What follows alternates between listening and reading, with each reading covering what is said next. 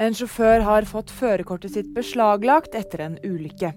En bil med for høy fart havnet på fortauet ved Ulvøya i Oslo. Alle de fire passasjerene og føreren får behandling på legevakten. Politiet sier at det var ren flaks at ingen andre ble skadet, og føreren var ruspåvirket og har fått førerkortet sitt beslaglagt. Nord-Korea har igjen avfyrt kryssermissiler. Missilene ble avfyrt fra øst i landet mot Japanhavet rundt klokken åtte lokal tid, skriver det sørkoreanske nyhetsbyrået Yonhap. Sør-Koreas militære ledere bekrefter at det har skjedd, og har igangsatt undersøkelser. Verdens største cruiseskip har satt ut på sin jomfrutur. Icon of the Seas er 365 meter lang og har plass til 7600 passasjerer.